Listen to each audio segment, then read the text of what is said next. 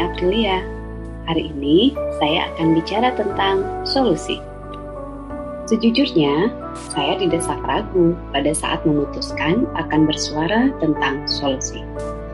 Namun, justru karena keraguan inilah saya semakin yakin untuk menyuarakannya. Ngomong-ngomong, siapa sih yang tidak kenal satu diksi ini? Solusi. Setiap hari, setiap waktu, bahkan mungkin sampai akhir hayat, setiap individu berjibaku untuk menemukan hal yang satu ini. Di titik mangsa alur atau fase hidup yang tentu berbeda konteks dan kontennya antara satu sama lain. Akan tetapi, intinya sama, semua perlu solusi.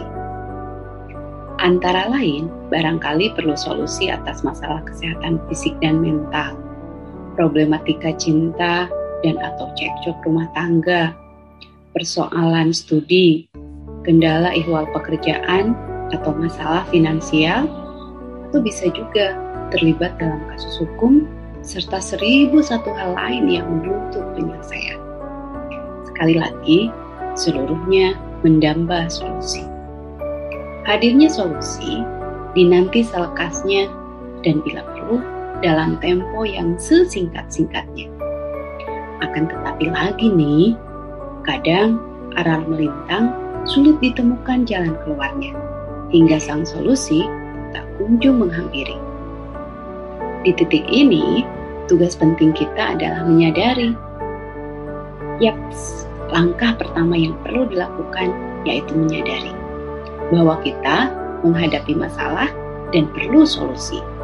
Menurut Kesi, menyadari masalah saja sudah setengah jalan menuju solusi itu sendiri. Berikutnya, baru memilih strategi dan melakukan aksi.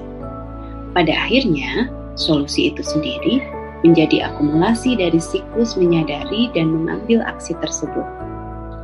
Itu menurutku loh. Bagaimana menurutmu?